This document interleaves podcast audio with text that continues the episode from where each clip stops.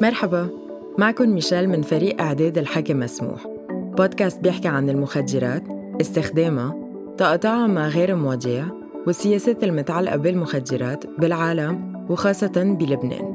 لأن حتى إذا المخدرات ممنوعة الحكي عنها مسموح. هذا البودكاست مبادرة من جمعية سكون المركز اللبناني للوقاية والعلاج من الإدمان. وبموسمنا الأول رح تكون الصحفية صبحية نجار عم بتحاور خبراء من مركز سكون.